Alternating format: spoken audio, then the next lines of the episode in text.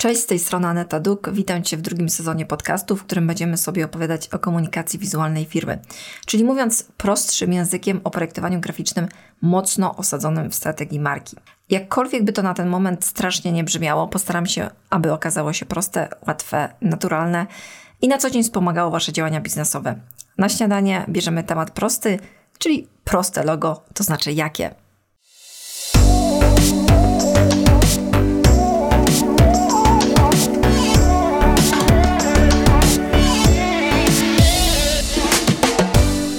Chciałabym bardzo wytwornie opowiadać o komunikacji wizualnej, a najlepiej zacząć od samego początku, czyli od strategii marki. Z doświadczenia jednak wiem, że temat komunikacji wizualnej w nowej lub małej firmie bardzo często zaczyna się od logo, a często od ulotki, czy teraz coraz częściej od strony internetowej lub grafik na social media. Dlatego dzisiaj trochę o logo w kontekście bardzo prostego zapytania ofertowego, które brzmi następująco. Potrzebuję proste logo ile? Bardzo ciężko odpowiedzieć mi na to pytanie ofertowe, ponieważ zamiast y, oferty należałoby zrobić warsztat lub y, właśnie nagrać o tym podcast, żeby każdy y, mógł sobie spokojnie odsłuchać w drodze do pracy. Zatem do dzieła. Logo co do zasady jest proste, to znaczy powinno. Najbardziej rozbudowane graficznie logo jest stosunkowo prostą grafiką w zestawieniu na przykład z ilustracją. Dlatego czas poświęcony na jego narysowanie nie determinuje ceny, nie determinuje też zbyt mocno ilości pracy. Uściślając, mam na myśli czas na narysowanie ostatecznej wersji. Myślę, że tematowi, e, czym jest logo, należy poświęcić osobny odcinek, ale w skrócie warto wiedzieć, że to, co większość współcześnie rozumie przez logo, to jest to grafika, która służy nam za znak towarowy, jest symbolem marki. Nie jest marką, ale jest jej symbolem, twarzą. I z punktu widzenia prawnego, gdy zdecydujemy się zarejestrować swój znak towarowy, e, jego główną funkcją jest umożliwienie konsumentowi, czyli Twojemu klientowi, łatwe odróżnianie usług i produktów w ramach tej samej branży. Czyli jeżeli chcę kupić sok z Hortexu, to nie pomylę go przypadkiem z tym barkiem, bo było takie samo opakowanie, podobne, podobna nazwa, podobny znak towarowy. Albo gdy chcę skorzystać z usług konkretnego warsztatu samochodowego, to przypadkiem nie zadzwonię do innego, szukając w internecie numeru telefonu. No właśnie, skoro znak towarowy, czyli to popularne logo, służy do odróżniania produktów i usług od siebie, stąd takie mądre określenie jak identyfikacja wizualna, to tutaj pojawia się już pierwszy determinant ceny analiza konkurencji oraz jej stopień e, skomplikowania. W przypadku działalności lokalnej ta analiza będzie mogła być znacznie zawężona. W przypadku działalności krajowej i widoczności w internecie musi już objąć całą Polskę. W przypadku rynków międzynarodowych sytuacja jest jeszcze bardziej skomplikowana i czasochłonna. Bo jaki jest sens stworzenia znaku, który w żaden sposób nie wyróżni marki na tle innych konkurencyjnych lub będzie wprowadzał w błąd. Dlatego sam zasięg y, marki, docelowy zasięg marki jest jednym z elementów determinujących cenę. Ale dlaczego ja w ogóle mówię o elementach determinujących cenę, skoro mieliśmy mówić o prostym logo? Otóż dlatego, że w statystycznym zapytaniu o proste logo tak naprawdę kryje się przekaz proste równa się łatwe w wykonaniu, równa się tanie. Podstawowym błędem w rozumieniu łatwości w wykonaniu znaku jest skupienie się na ostatecznej formie graficznej, która z definicji musi być prosta. Z kolei, jeżeli mówimy o minimalistycznym logo, warto wiedzieć, że sytuacja może zrobić się jeszcze bardziej skomplikowana. Obecnie w Polsce jest zarejestrowanych kilka milionów firm. Każda posługuje się jakąś grafiką pełniącą rolę znaku towarowego. Prawdopodobieństwo wykonania minimalistycznego symbolu do złudzenia przypominającego już istniejący jest stosunkowo duże. Plagiaty logo nie są wynikiem tylko i wyłącznie złej woli. Obecnie częściej bywają dziełem przypadku. Ok, trochę już tych informacji było, dlatego zanim polecimy dalej, krótkie podsumowanko. Logo co do zasady jest proste. To nie jest element określający poziom skomplikowania zlecenia. Czas potrzebny na narysowanie ostatecznej formy graficznej nie jest w żaden sposób skorelowany z czasem potrzebnym na opracowanie znaku. Minimalistyczny znak może wymagać dużo większej ilości czasu i wiedzy na jego opracowanie niż znak o odrobinę bardziej skomplikowanej formie. Wynika to głównie z konieczności analizy unikalności symbolu, a ta jest dużo trudniejsza do osiągnięcia w przypadku prostej formy graficznej. Plagiat obecnie częściej jest wynikiem przypadku niż celowej kopii, a znaki graficzne ze względu na swoją prostą formę są szczególnie na to narażone. Wspomniałam y, coś takiego jak opracowanie znaku. Nie projektowanie, tylko opracowanie. I w rzeczywistości tak to właśnie wygląda. Znak się opracowuje, a rysunek, forma graficzna wynikająca z tego opracowania jest ostatnim etapem pracy. Dlatego proste logo to w rozumieniu mnie jako projektanta byłoby takie, które wymaga małej ilości czasu na opracowanie. Na przykład Mam już wykonany research rynku, analizę konkurencji, mam opracowane słowa kluczowe wynikające ze strategii marki, pozycji marki itd. Tak Te mądre słowa, które tu wymieniam w kontekście e, wszelakich strategii, nie dotyczą tylko wielkich firm. Wręcz przeciwnie, im szybciej dokładnie określimy naszą strategię, tym łatwiej będzie nam dotrzeć do określonego celu. Tym intratniej też będziemy wykorzystywać budżet i czas, który inwestujemy w rozwój naszej firmy lub przedsięwzięcia. To są realne elementy, które skracają proces opracowywania firmowego znaku graficznego. Na opracowanie znaku składa się co najmniej kilka etapów. Jednym z nich jest robienie szkiców. To etap, w którym dochodzę do tego, że to właśnie akurat taka forma graficzna, a nie inna, najlepiej będzie symbolizować markę zgodnie ze strategią, pozycją, celami oraz miejscem jej funkcjonowania i grupą docelową. Podczas tego procesu dokonuję też analizy znaczeniowej, a także wstępnego testu unikalności znaku i jego użyteczności. Ale po kolei.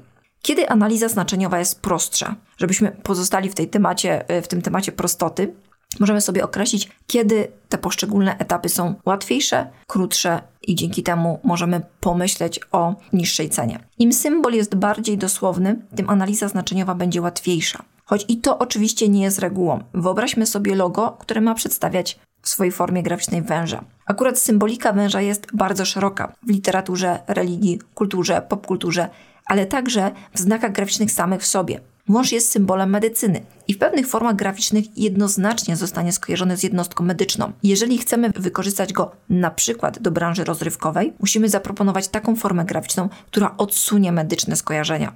Dlatego też analiza znaczeniowa i test skojarzeń na grupie osób niezwiązanych z projektem jest obecnie dla mnie obowiązkowym etapem projektowania symbolu. A dlaczego test skojarzeń?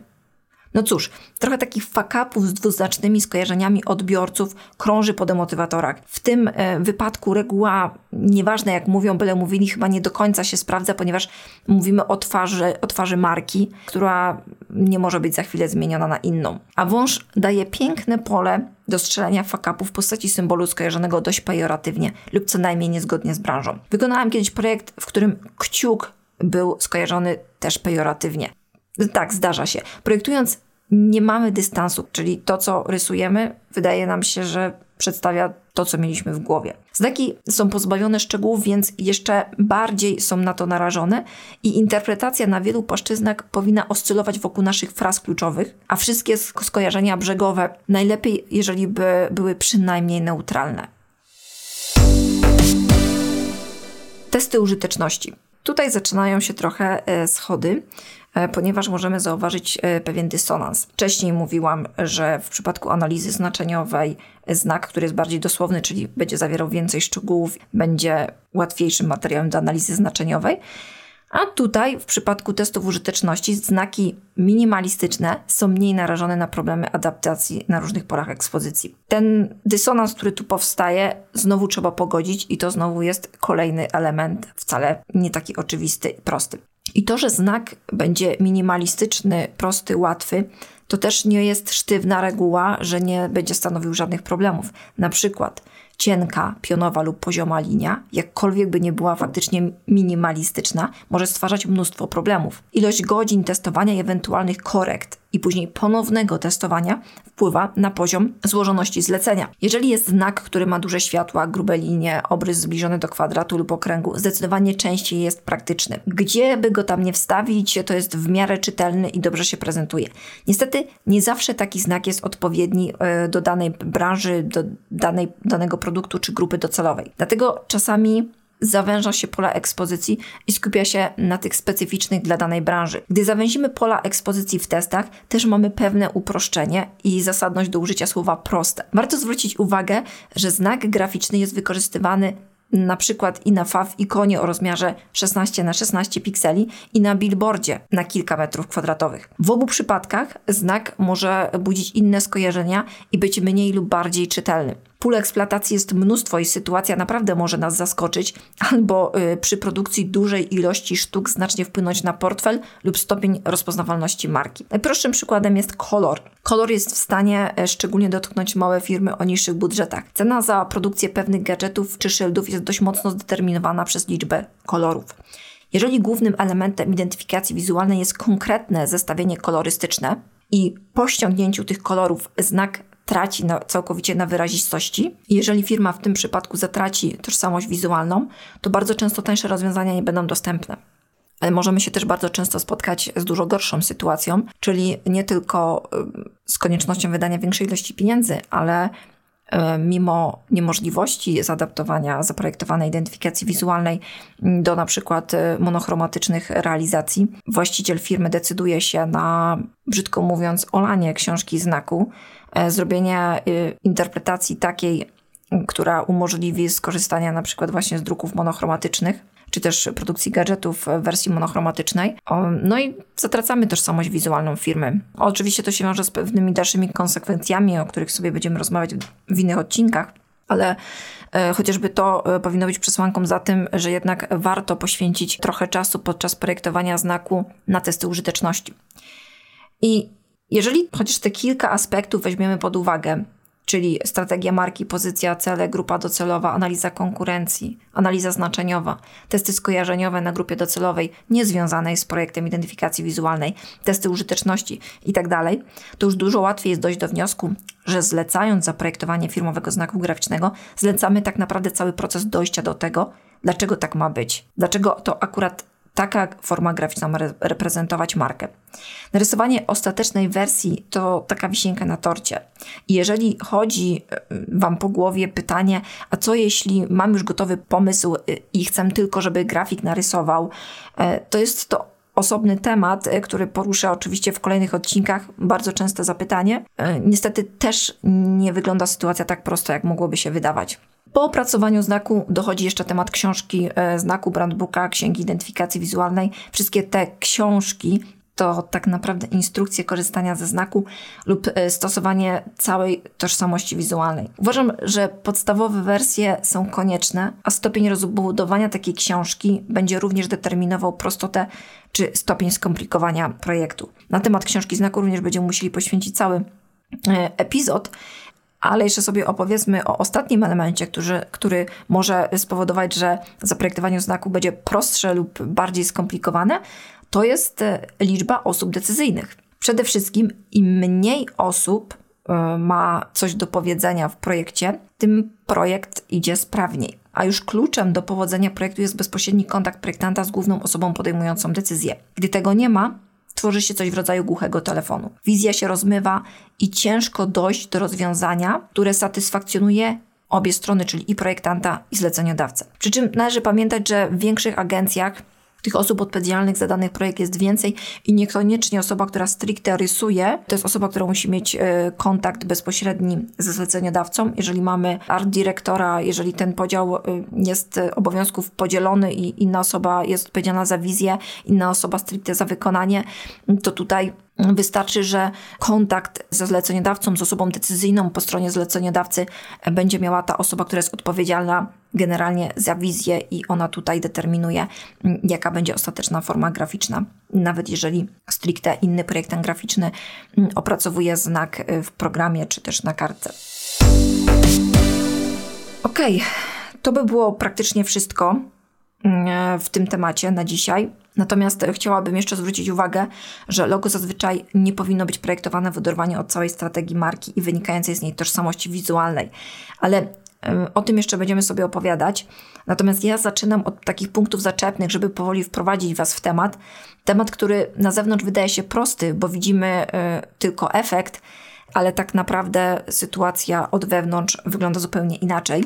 I ostatecznie zbierzmy sobie to wszystko w taką pigułkę, żeby odpowiedzieć na pytanie zawarte w temacie. Logo zawsze jest proste i to nie jest determinant ceny ani e, trudności czy łatwości wykonania projektu. Możemy natomiast zastanowić się, kiedy opracowanie znaku będzie łatwiejsze i szybsze. Przykłady takich sytuacji to gotowa, dobrze opracowana strategia marki, gotowa analiza konkurencji i wykorzystywanych przez nią symbolów, lokalność, e, czyli mniejsze znaczenie wówczas może mieć globalna e, unikalność symbolu, mamy mniej znaków na rynku, które mogą wykluczać nasz projekt ograniczona ilość pól eksploatacji, okrojona książka znaku do najbardziej podstawowych elementów i ograniczenie liczby osób decyzyjnych, najlepiej jeżeli to jest jedyna osoba. Mam nadzieję, że trochę rozjaśniłam, o co tyle krzyku z tym logo. Jeżeli coś było niezrozumiałe, jeżeli powinnam prościej, wolniej i tak dalej, dajcie znać w komentarzu. Na dzisiaj to wszystko. Do usłyszenia. Cześć!